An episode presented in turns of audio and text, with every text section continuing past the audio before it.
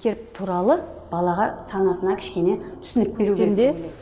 бала қиналды біз де қиналдық. Түске дейін оңай емес. Түске дейін мектепте оқитын программаны оқиды. Ә, түстен кейін үй жұмысын орындайды. Мысалы алты жастағы бала ойын баласы. Көбірек ойнағанды ұнатады. Жаңағы мектепке бала дайын болып бару керек. Себебі қатарынан қалмау керек қой. Егер ол бір нәрсені білмей тұрса өзін кем санап қалуы мүмкін. Саусақтар арқылы ми дамиды ғой балада. Сондықтан көбірек қолмен жұмыс жасау керек. Сурет жаңағы түрлі түсті бояуларды сала алмаса да әйтеуір бояп бірдеңе жасау керек тырысып арасында сергіту керек балдарды көбірек ойын түрде.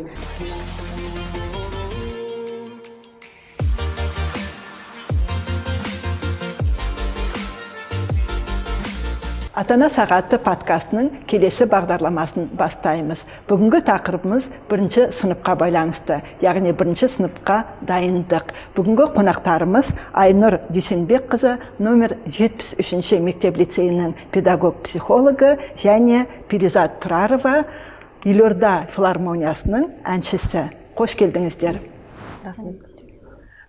Бүгінгі әңгіменің басын өздеріңізден бастайық. Өздеріңіз туралы және отбасыларыңыз туралы шағын айтып берсеңіздер. Айнұр дүйсенбекқызы. Менің отбасымда үш балам бар. Үлкенім жиырма бесте. Екі балам өзіммен бірге мектепте оқушы. Үлкен қыз балам медицина саласында жұмыс жасайды. Жасы жиырма бесте. Осы астанаға көшіп келгеніме бесінші жыл болады. Өзім тума қызылорда қаласының қызымын. он бес жыл өтілім бар. Екінші үшінші балаларыңыз жасы нешеде? Екінші балам сегізінші сыныпқа өтті. Үшінші қыз балам алтыншы сыныпқа өтті. Өте жақсы. Сіз ше Ә, біздің отбасымызда үш бала. Ә, үлкеніміз тоғыз жаста биыл үшінші сыныпқа барады. Одан кейінгі қызымыз бес жарымда. Ә, бұйырса келесі жылы мектепке барайық деп отырмыз. Одан кейінгі үші- үшіншіміз енді бір жарым жаста. Өте жақсы. Енді біз бірінші сыныпқа дайындық туралы сөз қозғаймыз ғой. Сондықтан бұрыннан келе жатқан алты жас пен жеті жастың тайталасы бар. Яғни мектепке баланы алты жастан беру керек пе жоқ жеті жастан беру керек пе? Осы мәселеге қалай қарайсыздар? Енді мен өз басым маман ретінде жауап беретін болсам жеті, бас, жеті жастан берген дұрыс деп неге? қолдаймын. Өйткені алты жаста баланың әлі психологиялық физиологиялық ы, танымдық процестері әлі даму үстінде қалыптаспаған. Ал жеті жаста толық қалыптасады деп ойлаймын. Мысалы зейіні шоғырланады қабылдауы тұрақталады. Мысалы өзін өзі ұстауы мысалы мектепке барам менің сыныбым менің мектебім деген мендігі қалыптасады балада. Сондықтан жеті жастан барған дұрыс деп ойлаймын. Өзім маман ретінде айтарым. Енді ол ата ананың құқығы қай жаста беремін десе де. Қазір енді шектеу жоқ қой жалпы. Алты жастан бересіз бе жеті жастан? Енді ата ана таңдайды. Жақсы. Сіз ше қалай ойлайсыз? Ә, бізде ұлымызды жеті жастан бердік. Ә, себебі ә, ұл бала болғандықтан ең біріншіден ә, салмақты ә, сабақ жағынан үлгерімі ә, жаңағы мектепке дейін балабақшада жақсы болса да жеті жасқа толтырып ә, бердік. Ә, жеті жасқа толтырып берген кезде ол ә, балабақша қабырғасында олимпиадаларға қатысып жүрді. Ә, сол ә, соңғы балабақшадағы бір жылында мектепке әбден дайындалды балабақшада. Сондықтан мектепке дайындық нені қамтиды? Енді баланы үйден ата ана бірінші өзі дайындау керек деп ойлаймын. Мектепке не үшін барады? Не қызықтырады? Баланы үйден бірінші дайындап мектеп туралы балаға санасына кішкене түсінік беру керек деп ойлаймын. Бала түсіну керек. Қайда баратырмын мысалы? Мен қараңғы жерге баратырмын ба? Не, не үшін баратырмын неге баратырмын деген түсінік қалыптасу керек деп ойлаймын балада. Сондықтан баланы үйден үш жасынан бастап дайындау керек деп ойлаймын өзім. Мысалы сурет салғызып пластилинмен жұмыс жасатып ата анасы Ә, сосын дайындық топтарға берсе болады мысалы қазір көптеген жағдайда дайындық топтарға барады ғой балалар дайын болып келеді. Ертең мектепке барғанда алты жас пен жеті жастың айырмашылығы білінеді. Айналып келгенде ата ана мен мұғалімге салмақ түседі қазіргі таңда білесіздер бағдарлама жаңа оқу бағдарламасы шығып жатыр мысалы ода топтасып жұмыс жасайды бірігіп ұжымдасып сол кезде балаға қиындық туғызбау үшін дайындық топтарға берген абзал деп ойлаймын баланы. Сіз ше балаңыз енді бір, бірінші сыныпқа барғанына біраз жыл өтсе де бірінші сыныпқа қалай дайындалдыңыздар? Енді бала жаңағыдай бес алты жаста болғанда уже мектеп туралы айта бастаймыз. Ә, туған туысқандардың балалары бар мектепке барып жүрген.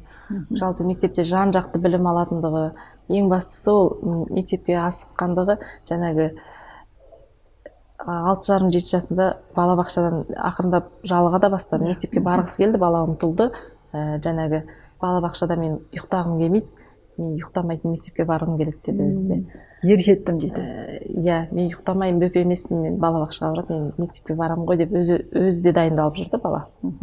Сол кезде мысалы жеті жаста барды бірақ сыныбында жеті жастағы балалар болды ма әлде алты жастағы балалар көбірек болды ма? Сыныбында тіпті сегіз жастағы сегіз жарым жастағы бала болды жаңағы ә, үлгерімі нашар болған қалып қалған бала болды және алты жастағы балалар болды. Ә, ол алтыда ғой үлгермей жатыр деген менің ұлым сыныбында бірінші сыныпта отыз екінші мектепте оқыды. Өте жақсы ұстазы болды роза апайымыз. Ә, және жаңа жеті жасқа толтырған ә, толғандығы бар балабақшадағы жаңағы ә, назгүл жағыпбарқызы деген апайының да ықпалы болды. Жаңағы жан жақты болады ғой баланың дам, дамуы. Ә, тіпті мұғалім айтатын жаңағы білім жағынан өзінің сабағын орындап қойып тез қасындағы балаларға көмектесіп отырады деп ә, жаңағы озат оқушылардың бірі болды бірінші сыныпта. Иә, осы жерде біз психолог ретінде алты жастағы бала не істей алуы керек? Айтып өтесіз бе? Енді жаңа айттым ғой мысалы алты жастағы баланың несі әлі қалыптаспаған дамуы танымдық даму процестері ал жеті жаста қалыптасқан мысалы алты жастағы бала ойын баласы. Көбірек ойнағанды ұнатады ұйықтағанды ұнатады. Сосын ол ерте барғаннан кейін мысалы үйде ойыншықтарын ала барғысы келеді. Уже әлі мектепке дайын емес дегенді ойлаймын. Білдіремін да. Негізі үйден сол жеті жасынан берген дұрыс сияқты баланы. А ол алты жасынан болғаннан кейін мысалы басқа балаларға бірден ортаға бейімделуі қиындау болады. Енді екі, екі айға дейін мектепке бейімделеді бала. Пока мектепке үйренеді дағдыланады. Мысалы өзім психолог ретінде бірінші класстардан мен диагностика жүргіземін. Сол кезде мысалы өзім тапсырмалар бар ішінде сурет салғызамын жаңағы тесттер жүргіземін мысалы зейінін бақылаймын тұрақтылығы жаңа қаншалықты мына абстрактылы жаңа суретті орналастырғаны соның бәрі сол бойынша мен жұмыс жасағаннан кейін мысалы жауабын сынып жетекшіге беремін. Сұрақ қойсам болады ма? Иә. жаңағы мысалы ә, бірінші балаға қарағанда екінші баланың ә, алғырлау болады. Мысалы мен өзім үйдің кенжесімін есімде мамаларым жаңағы үлкен 81 жылғы апайыма сабақ оқытып кішкене үлгерімі нашарлау болды ма оқытып жатқанда мен әлі мектепке бармаған кезім ә, жаңағы жаттап отырған тақпақтарын жаттап алатынмын. Жаңағы э, сол солай болады ғой. Екінші бала жаңағы әсер етеді. Одан кейін ұл бала емес қыз балалар пысықтау болады. Сол жағынан әсері болады ғой. Мысалы менің қызым қазір бес жарымда. Келесі жылы ол күзде алты жарымда болады. Мысалы алты жарымда бере берсек қыз баланы ертерек сәл ондай айырмашылығы болады иә? Бала дайын болып тұрса енді кейбір ата аналар мысалы бала бірінші балаға мән беріп енді жаңағы көңіл бөліп жаңағы қарап жүріп екінші балаға аяғы ауыр болады. Сөйтіп жүріп бірінші бала шамалы шеттеуде қалып қойып екінші балаға көбірек көңіл бөледі. Сосын екінші бала пысықтау болатын сол деп ойлаймын бір жағынан мысалы барлығы көңілі сол екінші балада болады да а бірінші бала шамалы өзінің жаңағы бірге есейе ма жоқ бірге есеп есеуге бірақ жаңағыдай не ойбай ұмытып қалдым иә жоқ сол ана балаға көбірек көңіл бөлгеннен кейін мына бала шамалы шеттен қалады деп айтпаймын шеттен қалмайды. Жалпы анаған көбірек көңіл бөлді деп кішкене өзін пәс ұстап ана үлкен бала. А бірақ екінші бала пысықтау болады. Ал жалпы ол жастағы баланы мектепке бере беруге болады өзіңіз енді қабілетін байқайсыз Иә, ғой. қайта қыз бала алғыр болады. Бұл жерде мынандай нәрсені қоса кетейінші. Егер үйде екі бала болып екінші бала кішірек бала алдыңғы баланың естігенін қайталап жүріп сондықтан тезірек үйреніп кететін болар. Ондай да болады ондай да болады. Иә. Ойнайды дамиды ғой еще иә дами береді бірге үйренеді иә, көреді бірін бірін қайталай береді. қайталайды дамиды дұрыс айтасыз. Енді сіздің балаңыз бес жарым жаста иә? Келесі жылға дайындалып жатсыздар. Өткенде осы оқу жылының соңында балабақшаға барып жүрді ғой иә балаңыз? Иә. Барып жүрді. Содан кейін біз ым, төтенше жағдай болды. Карантинге мысалы үйде балалар тәрбиелене бастады. Сол кезде балабақшада қашықтан оқыту болды ма сіздерде? Жоқ біз үйдің жанында балабақшаға бардық. Карантин басталғанда біз де балабақшаға бармай қалдық. Бірақ жаңағы бес плюс бағдарламасы кітаптарын үйге бәрін алып келіп мен үйде өзім баламен отырғандықтан ә, күніне бір жарым сағат одан көп емес баламен ә, сабақ оқыдық. Сурет салу болсын қоршаған ортамен танысу математика бәрін орындап отырдық. Бес жарым жастағы қараймын ә, қызым тез жалығып кетеді шаршадым дейді. Ойнап кетеді жаңағы тұрақсыздық иә бар. Енді ақырындап ақырындап айтып келе жатырмыз мектепке дайындаламыз деп. Енді көреміз күз, күзде балабақша қалай болады ары қарай.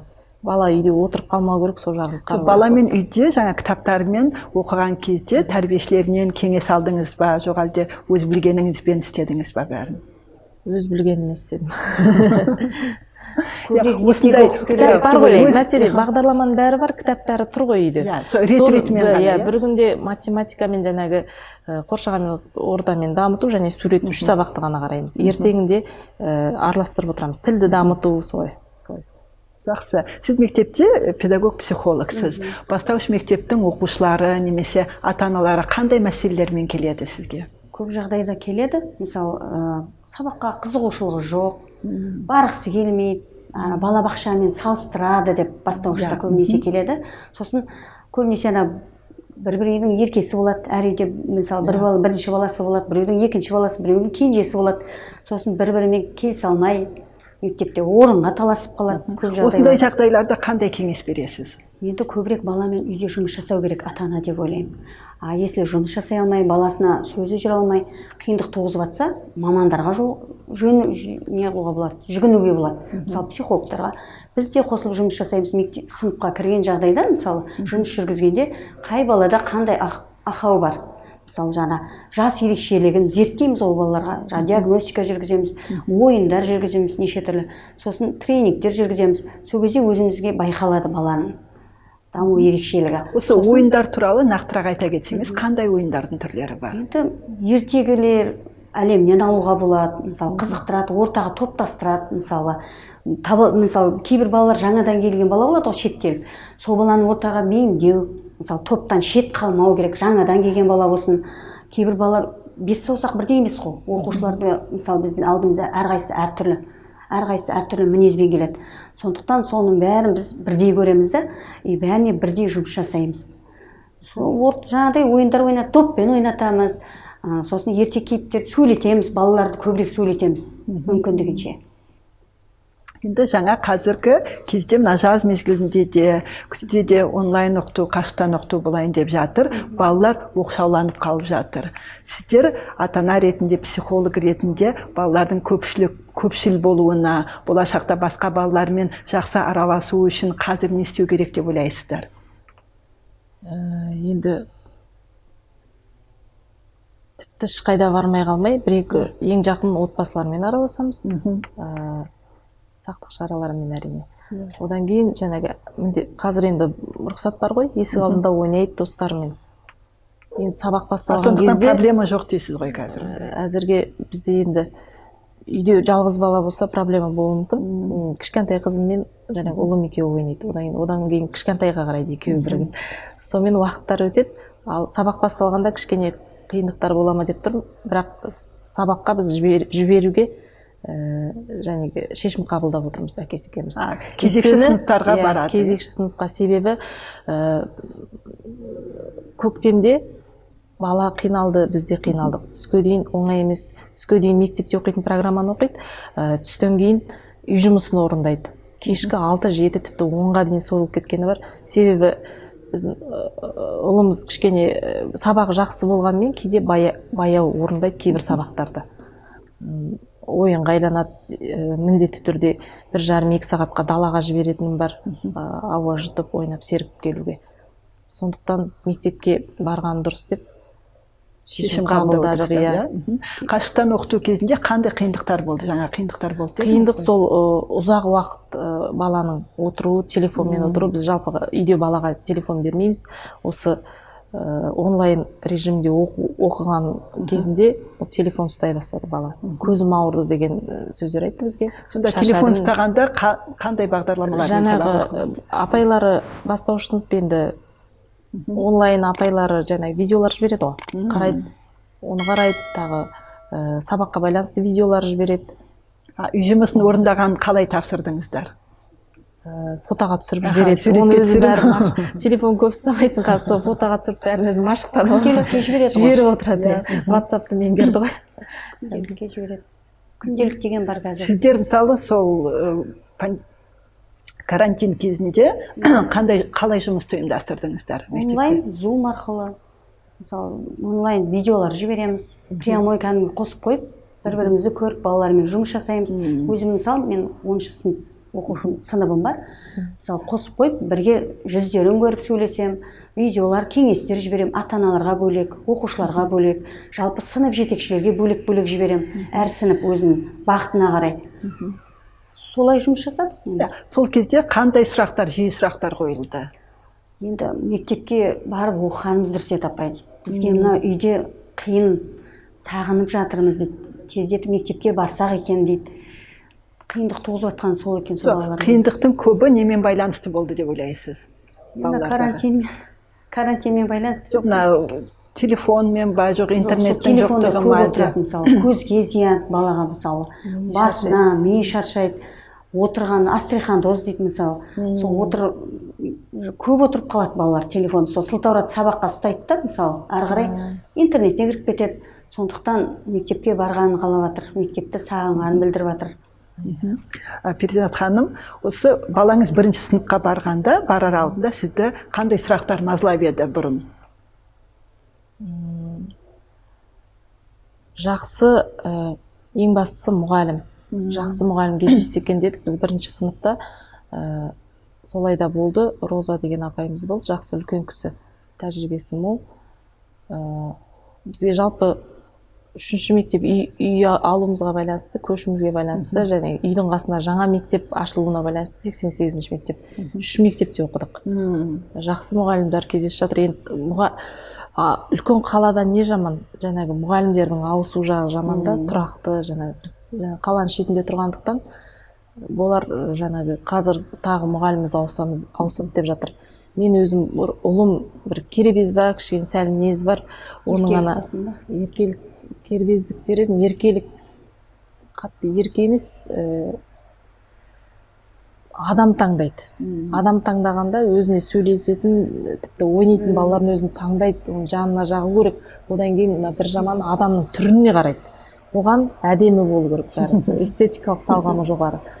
Бір сабақ ең бірінші мектебімде не жас па мұғалім деп жаңа сұраймын. Орыс тілі ұнамайды деп келеді. Немесе ағылшын өзінің класс жетекшісінен бөлек мұғалімі ұнамайды деп келеді. Сөйтсем мұғалімнің түрі ұнамай қалады. Және мұғалімнің өз өзін ұстауы ұнамай қалады. Сондай сондай жағдайлар бол- болады бізде. Бала мектепті жиі ауыстырды дедіңіз иә? Иә. бала бір, бір мектептен екінші мектепке ауысқанда соған үйренісуі қалай жүрді? Үйренісуі ә, бір, ай екі айда үйренеді ғой. Басында ұнамайды деп келеді одан кейін жақсы бір дос тауып алдым деп қуанып келеді. Одан мен айтамын қарым қатынас мұғаліммен де қасыңдағы достарыңмен де жақсы қарым қатынас орнат деймін. Өйткені мұғалім саған білім беріп жатыр. Ары қарай жақсы қарым қатынас мұғалім саған ұрысса да ол кісіге жақсы қарым қатынаста бол өйткені ол кісінікі дұрыс өйткені ә, көп сөйлейтіні бар. Баламның оны өзім де білемін ғой. Көп сөйлейді және тапсырманы тез сыныпта орындап тастайды да жан жағымен әңгімеге кетеді. Ана бірінші сыныпта тіпті аралап көмектесіп кетеді екен балаларға. Ә, сондықтан сол сабақ жөнінде сондай кеңестерімді беріп отырамын мұғалімдермен жақсы қарым қатынаста бол деп өйткені сен кейін өскенде де ол мұғалімді көресің. Сол кезде жүзің жарқын болып қасына алдынан шығып амандасып сыйласып жүруге түсіндіріп отырамын психолог ретінде жаңа сыныпты ауыстырған балаларға және ата аналарға қандай кеңес бересіз? Енді ә, кеңес дегенде мысалы бала басқа мектепке сыныптан сыныпқа ауысқанда мысалы бірден адаптациясы баяу өтеді. Енді бастауыш болса тез сіңісіп тез тіл табысып кетеді. Ал жоғарғы буынға барғанда уже жан жағына қарайды дос іздей бастайды ұзаққа созылады ол адаптациясы. Даже бір жылға дейін болуы мүмкін. Алты айға дейін болуы мүмкін енді әрі қалай не қабылдауына мысалы мұғалімге де бейімделу мысалы ұзақ мерзімде болады деп ойлаймын. Кеңес көбірек жұмыс жасау керек мысалы ата ана баласына көбірек кеңесін беріп ақылын айтып отыру керек. Сосын сынып жетекшімен тығыз байланыста болу керек деп ойлаймын. Жаңа бастауыш мектеп бірінші сынып туралы айтып жатырмыз ғой ең қиыны балаға жаңа оқып кету жазып кету. Осыған байланысты кеңестеріңіз бар ма? Кеңес ә, ең бірінші сыныпта сол жазуды үйренеді ғой. Сандарды үйренеді жазуды үйренеді. Ме- менде ә, бізде жазу сабағынан проблема болды. Проблема болғанда бақыламасаң ұл бала болғандықтан шығар. Жазулары әріптері Көркем жазу, үлкен үлкен болып кетеді иә. Бір бақыламай қалсаң ә, дәптерінде енді мен білмеймін оны мұғалімдер айтады кешіріммен қараңыз қатал болмаңыз дейді мұғалімі. Ал ә, өйткені менде мынандай күндер болған ә, дәптері маған ұнамағандықтан оған қайтадан бастатып соның бәрін көшірту деген ұл бала ғой. Ә, дәптерін жаңағы әріптері үлкен- жаз, жазу сабағынан қиналдық сол үшін жазуға көп отырғызатын бірінші сыныпта. Қалай ойлайсыз жазу маңызды ма? Маңызды. Одан бұрын мен мектепке келер алдында мысалы ата ана дайындау керек еді жаңа айттым ғой моторика мына саусақтар арқылы ми дамиды ғой балада. Сондықтан көбірек қолмен жұмыс жасау керек. Сурет жаңағы түрлі түсті бояуларды сала алмаса да әйтеуір бояп бірдеңе жасау керек тырысып.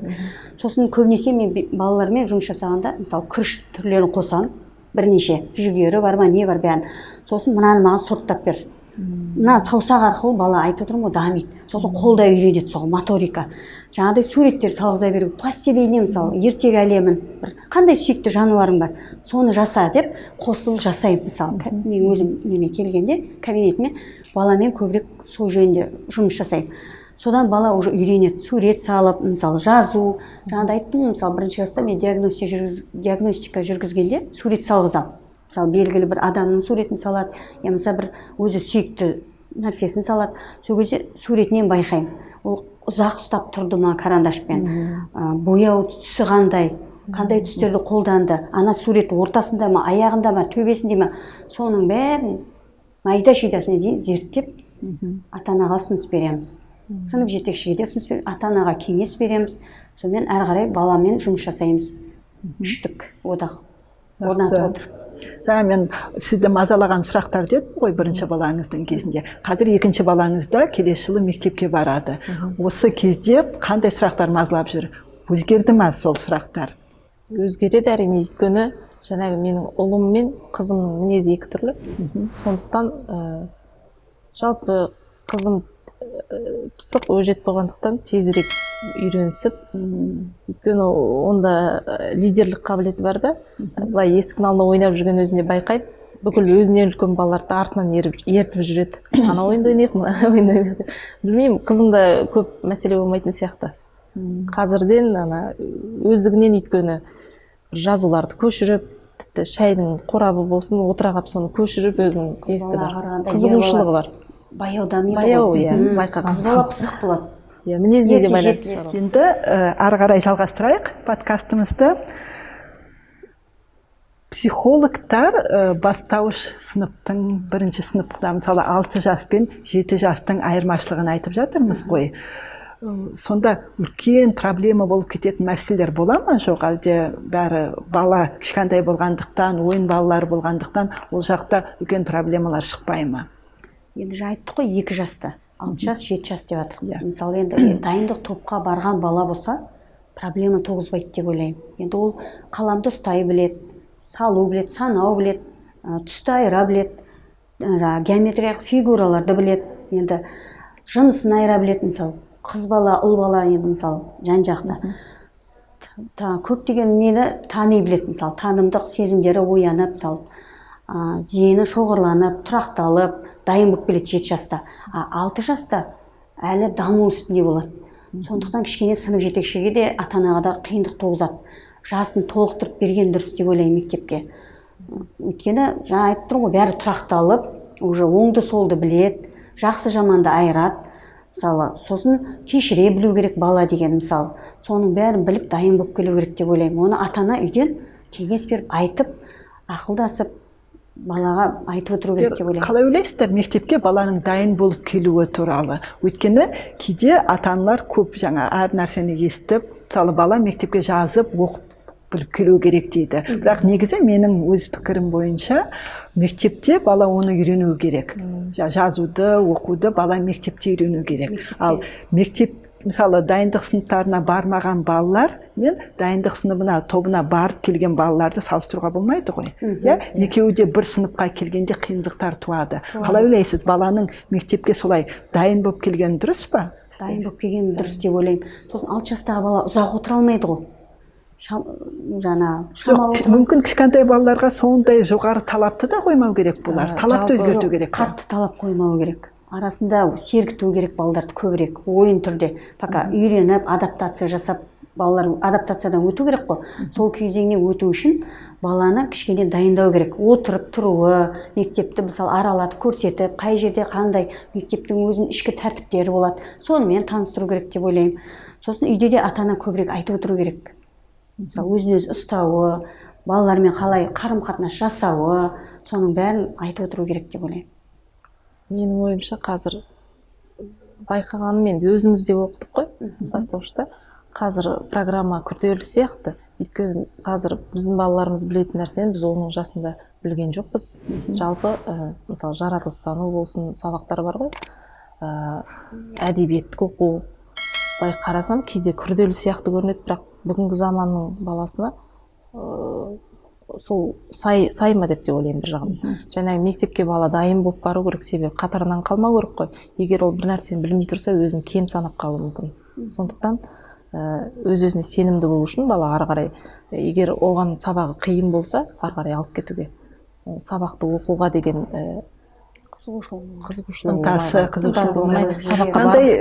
мысалы дүние жүзінде британияда балалар бес жасынан бірінші сыныпқа барады. Бірақ бұл жерде бағдарламасы бөлек те оларды жазуы сызуға үйретіп жібермейді ол жерде. Мүмкін топта жұмыс істеуге қарым қатынас жасауға мысалы басқа нәрселерге үйретеді. Мүмкін мектепке иә, мүмкін сондай иә даярлық тобы бірінші сыныптың бағдарламасының орнын алмастырмау керек деген сияқты идеялар айтуға болатын болар деп ойлаймын. Біз бағанадан бері бірінші сыныпқа баратын бала туралы айтып отырмыз. Енді бірінші сыныпқа баратын ата ана және бірінші сыныпты қабылдайтын мұғалім оларға қандай көмек керек? Заман да өзгеріп жатыр талаптар да өзгеріп жатыр иә? Біз бағанадан бері бірінші сыныпқа баратын бала не білуі керек не істей алу керек деп айтып жатырмыз. Бірақ оған қосымша баланың ата анасы да бар ғой. Ата анасы балаға тым көп талап қоймау үшін я болмаса қажет емес нәрселерді сұрамау үшін ата ана да мектепке дайын болу керек сияқты қалай ойлайсыздар? Иә баласын апаратын сондықтан ата анаға да бірінші сыныпты қабылдайтын мұғалімге де психологтардың көмегі керек болуы мүмкін бе?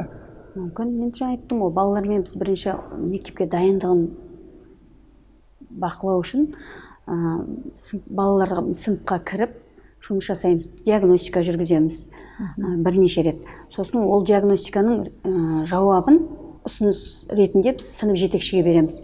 Енді кіріп жүргізгеннен кейін қай балада не анықталды бәрін жазамыз ғой мысалы жаңа зейіні ұзақ мерзімде сақтауы есте сақтау қабілетін қабылдауы енді соның бәрін зерттеп біз ұсыныс береміз. Сынып жетекшіге. Мына балада мынандай төмен мына балада жоғары мына балада орта деңгей. Өйткені өте төмен балаларға тапсырманы шамалы жеңіл түрде ана ортаға бейімделу керек қой ана жоғары балаларға. Ортаға өйткені бәріне бірдей берген тапсырманы ол бала алып кете алмауы да мүмкін. Сондықтан арасында жеңіл түрде көбірек балаға көңіл бөлу керек деп ойлаймын. Ә, сосын одан оны алып болғаннан кейін біз сынып жетекшіге жаңағы ұсыныс береміз ғой. Ұсыныс беріп болғаннан кейін енді ата аналар жиналысы болады тоқсандық сол тоқсандықта мысалы жұмыс жасаймыз біз бірігіп сынып жетекшімен маман ретінде сосын жаймен жаймен ата анасын шақыртып ата анасын жаңағы кеңес береміз. Міне осындай осындай жұмыстар жүргізілді. Бада- балада осындай ақаулар бар байқадыңыз ба деген сияқты. Сосын ата анамен бірігіп жасаймыз біз. Сөйтіп ата анаға да кеңестер береміз. Сосын баланы кабинетке жеке шақырып алып та жұмыс жасаймыз. Енді ана ортаға бейімделу керек қой бала қалып қоймау керек. Сөйтіп сөйтіп сондай жұмыстар жасаймыз. Жақсы. А, сіздер мысалы бірінші сыныптың ата аналары жиналып өздеріңіздің бір қауымдастықтарыңыз ба білмеймін ғой чаттарыңыз болып бір мәселелерді талқылайсыздар ма? Ә, чат деген мен өзім жақсы көрмеймін бірінші сыныпта Иә, болған иә, иә. чатта. А қазір жолдасымда чат. Кішкентай балам болғандықтан мен көп ә, қазір кірмеймін. А негізінде осы чат деген ә, әртүрлі ата ана болады. Иә. Керек емес әңгімені де жазатын болады жаңағы. Бірақ жалпы ата аналар жиналысына өзі мен қалмайтынмын ата аналар жиналысынан бірақ келмейтін ата аналар болады. Сол негізінде бүкіл ата ана өзінің баласының ә, үлгерімі жайлы тәрбиесі жайлы әрбір жиналыста бол- болу керек деп ойлаймын. Сосын жаңағы ата ана қалай дайын болу керек деген сұрақ қойдыңыз ғой? Иә. Жаңағы э, баласы сабаққа баратын үйде режим болу керек деп ойлаймын. Жаңағы күн тәртібі күн тәртібі. Иә. иә. Уақытында тұру баланың сабақ оқу уақыты далаға барып сергіп келу уақыты жаңағы нәрсені бір бір жолға қойып қойса бала да соған үйренеді. Қалыптасады иә қалыптасып қалады. Уақыты таңертең ерте тұру жағы мысалы уақытында тұруы өзі жуынып шайынып тамағын ішіп мектепке баруы. Одан кейін мектептен келгеннен кейінгі ойынға уақыт беру керек кішкене. Өйткені бала шаршайды ғой бірінші сыныптың баласы. Қазіргі кезде биыл ә, күзде мектептегі сабақтар онлайн болады деп жатыр. Және бірінші сыныпқа қабылдау қалай қалай, қалай жүріп жатыр сіздің мектепте қазір? Бізде мысалы жаңағы кезекші мектеп деп жатырмық қой. Сол Иә. сияқты бір сыныпта 15 оқушыдан отырады. Ата ананың өтініші бойын- бойынша. Мысалы если егер де бала ата ана келісімін беріп арыз жазады. Если келсе оқушысына алып келеді мектепке. А келісімін бермесе үйіне онлайн өтеді. Бір сынып жетекшісін бөледі. Мысалы біздің мектебімізде мысалы он екі оныншы сынып болса биыл бірінші сыныптан Иә, иә. сол әр сыныптан балалар қалады ғой бесеу алтау соның бәрін біріктіріп бір сынып қылып онлайн өтеді бір мұғалім. А қалғандары бөліп қойған уже. Сынып жетекшісі бәрі бекітіліп кітаптары таратылып сын мектепке келетіндеріне уже орнын бәрін реттеп дайындап қойған. Жақсы. Ата аналармен де жұмыстар жүргізіп жатсыздар жүргізіп жатырмыз иә шүкір. Жаңа айтайын дегенім сынып жетекшісі туралы жаңа Иә. сұрағыңызды жандандырайын деп айтайын деп едім ғой. Мысалы енді дайындық туралы айтып жатсыз әрбір педагог психолог педагог маманы да мұғалім.